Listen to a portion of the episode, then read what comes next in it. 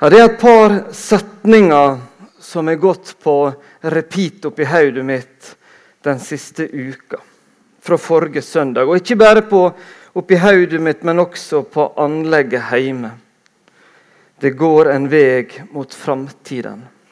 Det høres en sang fra himmelen. Vi synger ære til ditt navn for frelsen du til oss vant og hele himmelen stemmer i. All makt og herlighet er din. Utrolig flott sang som Omaini tok med seg hit forrige søndag, og som vi skal få lov til å bli mer og mer glad i. Vi kom til det tiende kapittelet i første Korinterbrev. Men allerede når jeg synger denne sangen, her, så gleder jeg meg til det 15. kapittelet. Det nærmer seg sommer når vi skal få lov til å se på det kapittelet. Det er oppstandelsen. Og Jeg var inne på det forrige søndag. Dette desperate ønsket som Gud hadde, som gjorde at han måtte sende sin sønn Jesus til jord, slik at han skulle få kunne være sammen med oss mennesker igjen. Og dette bryllupet som Bibelen beskriver. En dag så skal vi få lov til å komme hjem og ha tidenes bryllup i himmelen med Gud. Jeg ser fram til det.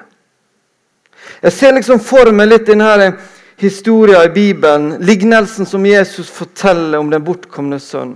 Jeg ser for meg denne faren stå der med utstrekte armer. Jeg ser for meg at sånn skal Gud stå og skal ta oss imot. Jeg ser fram til en tid uten tidspress. Jeg ser fram til en tid uten urettferdighet. Og jeg ser fram til en tid der en del av disse her ansiktsuttrykkene som Anne Marit viste oss i stad, ikke lenger er der der denne munnen går nedover. F.eks. at han slipper å rygge på en garasjeport en lørdag ettermiddag. Det skal bli godt. Samtidig så er det en side ved dette her som ikke er så lystig, og som vi faktisk må ta fram litt i dag. Fordi at eh, Gud veit at det er ikke sjølsagt at han skal få lov til å stå og ta imot alle mennesker på denne måten. Det er mulig for mennesket å velge bort Gud. Det er mulig for mennesker å si at de ikke vil ha noe med Jesus å gjøre. Kanskje til og med et flertall av de vi lever sammen med her på denne jorda, velger en annen vei med livet sitt. Dette gjør Gud vondt. Han har så inderlig ønske om at så mange som mulig skal få lov til å bli en del av hans bergingsaksjon. Det meste av 1. Korinterbrev 10, som er dagens tekst, handler om en, det som en advarsel, slik at vi ikke skal falle av på veien. På veien til himmelen. Kanskje oppleves dette kapitlet litt krevende og brutalt. Men prøv å sette deg inn i en situasjon. Prøv å se for deg at Paulus sitter og skriver dette her til sine barn. til noen han er veldig glad i. Noen han så inderlig ønsker å få møte igjen i himmelen. Dette brevet blir skrevet i kjærlighet. Jeg håper at vi kan ha det som en sånn base når vi leser dette kapitlet her. At det er skrevet med nød og med kjærlighet. Runar? Kan du komme fram og ta vekk dette her teppet mitt her? Se hva som er bak her.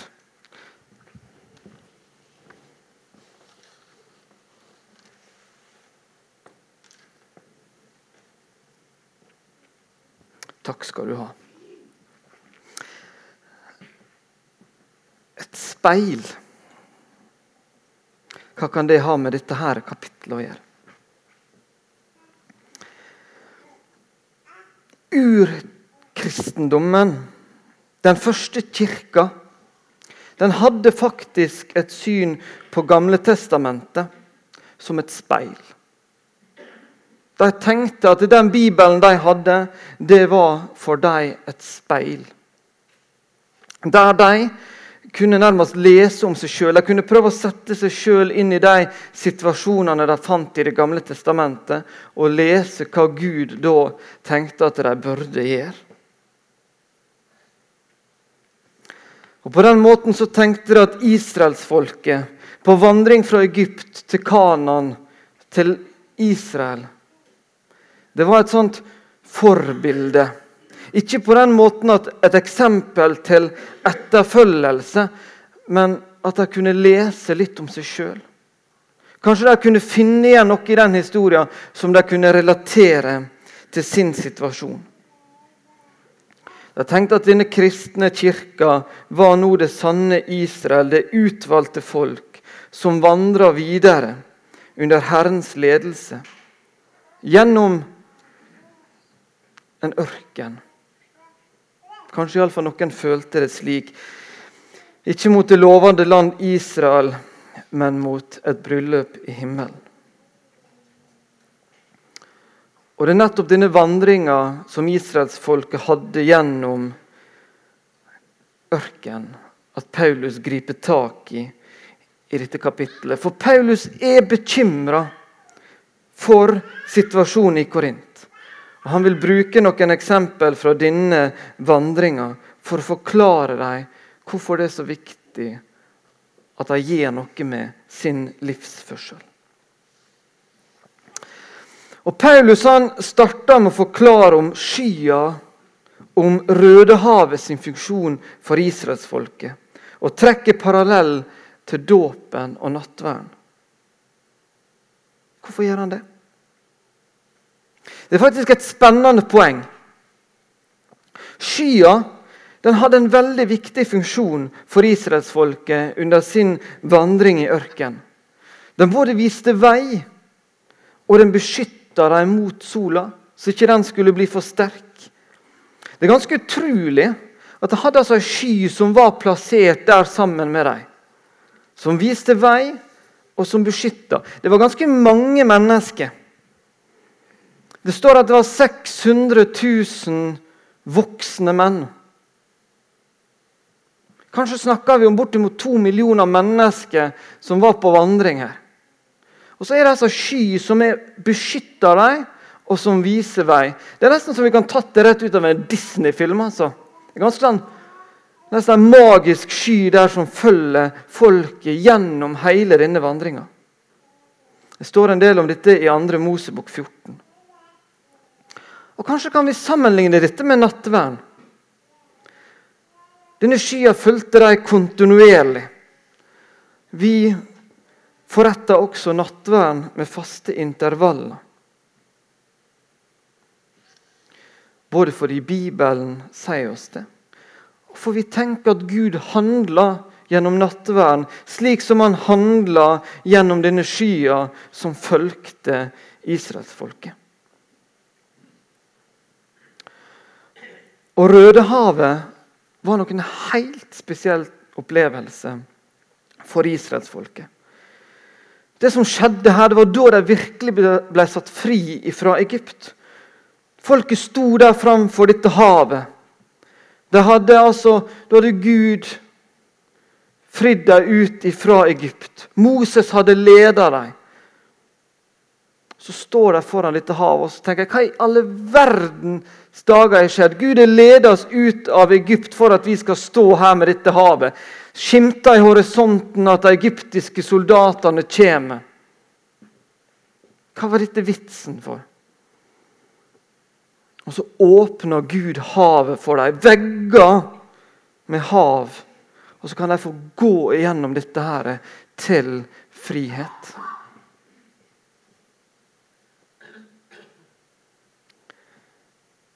Gjennom vann så satte Gud israelsfolket fri. Skal vi få lov til å trekke parallellene til vår dåp? Både barn og voksne fikk lov til å gå gjennom dette havet.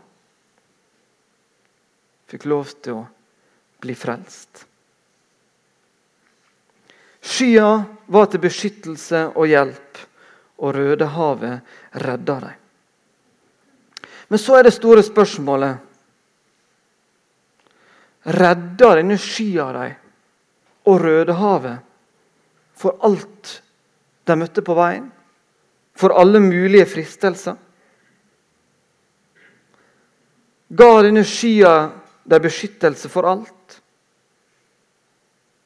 Var det slik at disse to tingene her var en garantiordning for dem som kom til å vare så lenge de levde? Kanskje noen av dere har et eh, spill på mobilen. Jeg tror ikke det er bare Erna Solberg som har Candy Crush som avslapningsaktivitet. Eh, en del sånne spill som vi spiller, det kan være på data, det kan være på mobilen, er sånn fem liv. Det er sånn standard. Men så kan du av og til få en bonus der du bare plutselig får evig liv. Var det slik dette her de hadde opplevd? Denne her skya og denne vandringa gjennom Rødehavet. Var dette her noe sånn Nå var det ingenting galt som kunne skje. Nå var de berga for alt. For menigheten i Korint, medlemmene der, var nok døpt, og de gjennomførte nattverd. Det leser vi om. Men så leser vi at det hadde sneket seg inn her en tenkning som gikk ut på at dåpen og nattverden ga dem omtrent en sånn evig garantiordning. Skulle hjelpe dem gjennom alt de møtte på, uansett hva det skulle være. Og så viser Gud tilbake til israelsfolket. Så sier han det. Gud ga dere manna fra himmelen. Det skulle være tilstrekkelig med mat. Men folket knurra, folket sutra. Og en gang så ville de så ha skikkelig kjøtt at de lagde til en offerfest for noen avguder. Det ble spist offerkjøtt til avguder og noen seksuelle orgier. Og dette på én dag tok det livet av 23 eller 24 000 mennesker på denne vandringa der i ørkenen. En annen gang når de murra og klaga, så sendte Gud serafslanger inn blant folket. Så sier Paulus klart og tydelig til dem dette her skjedde med israelsfolket, som hadde skyer, som hadde gått gjennom Rødehavet. Det kan skje lignende ting med dere, selv om dere både er døpt og dere har nattverd. Paulus trekker fram særlig fire ting de må passe seg for. Bli ikke avgudsdyrkere, slik som noen av dem, står det. La oss ikke drive hor, slik som noen av dem gjorde.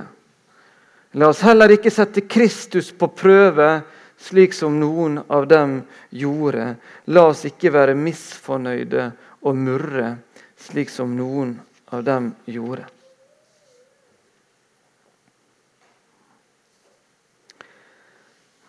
Hva kan vi trekke ut av det her? Det å gå gjennom Rødehavet var en viktig begivenhet for israelsfolket. Det var det som virkelig fridde dem ut fra Egypt. Og skya som fulgte dem på himmelen, både viste vei og beskytta. Gud handla ved Rødehavet. Gud handla gjennom skya. Men dette beskytta dem ikke fra alt. Når folket var ulydig, så fikk det konsekvenser for dem.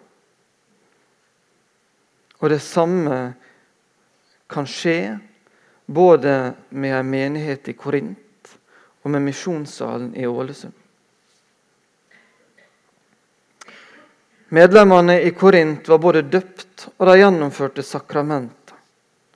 Gud handla gjennom det her. Det ga dem ved tru rett til det evige liv. Men det var ikke noen garantiordning for at de ikke ville møte noe vondt i livet sitt.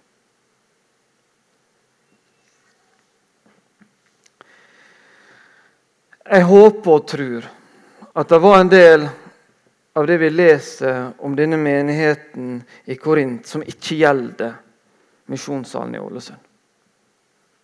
Men kanskje det også er likhetstrekk. Kanskje noen av de utfordringene de hadde, sliter vi også med. Vi forkynner med frimodighet om dåpen og nattverden. Gjennom dette så tar Gud oss inn i si kristne kirke. Vi får bli en del av Jesu kropp. Vi blir i Kristus. Og dette gir oss direkte adgang til Gud og evig liv. Men det er ikke noen garantiordning mot sykdom, mot vansker, mot smerte.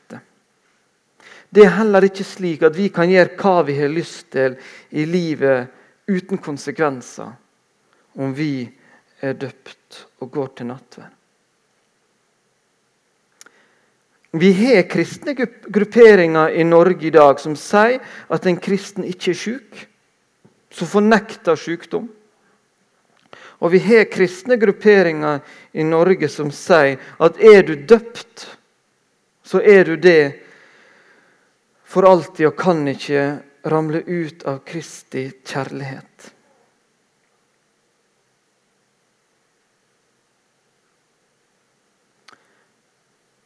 Men vi så også når vi snakka om kapittel 8 for et par uker siden, så sier Paulus at nei, vi tror ikke det er noen avguder. Disse avgudene som blir tilbedt, er ikke guder. Men det finnes åndskrefter i denne verden. Om det ikke er avguder, så er det noe som ønsker å dra oss bort ifra Guds kjærlighet. Disse kreftene er reelle. Og det er ikke noe som vi bør teste og flørte litt med. Kanskje skal du sette deg litt godt bak på stolen og tenke gjennom ditt liv. Hvordan er det? Er det noe i ditt liv som drar deg bort ifra Gud? Er det noen åndskrefter som du leker litt med?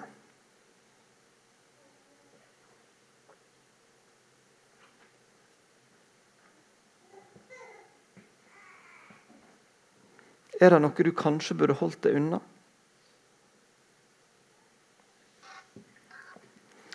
Hva tenker du om dette speilet? Er det noen historie i Bibelen som forteller litt om ditt liv? Er det noe som du kan kjenne deg igjen med, som noen i Bibelen sleit med, som du sliter med?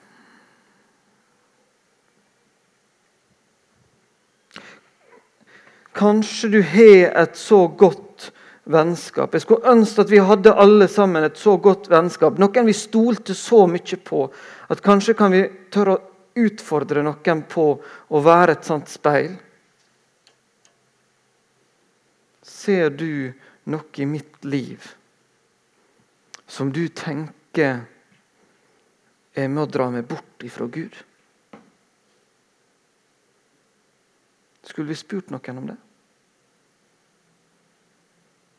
Tør vi å, å høre det svaret?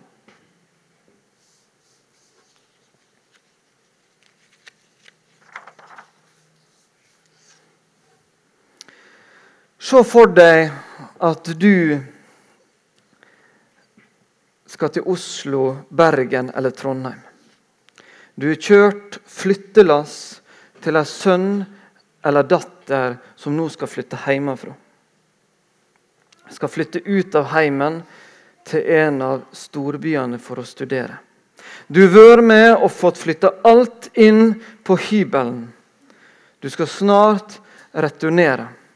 Men så tar dere en tur på, på Egon for å spise en, et godt måltid middag før du skal kjøre hjem til Ålesund. Så har du nå en times tid over et godt måltid mat. Der du kan få lov til å si noe til dette barnet ditt. Hva du syns at dette barnet ditt skal kose seg med, gjøre på av aktiviteter, finne på ting når de nå begynner studielivet sitt. Og så kanskje har du lyst til å si noen ting som du tenker at de bør holde seg unna.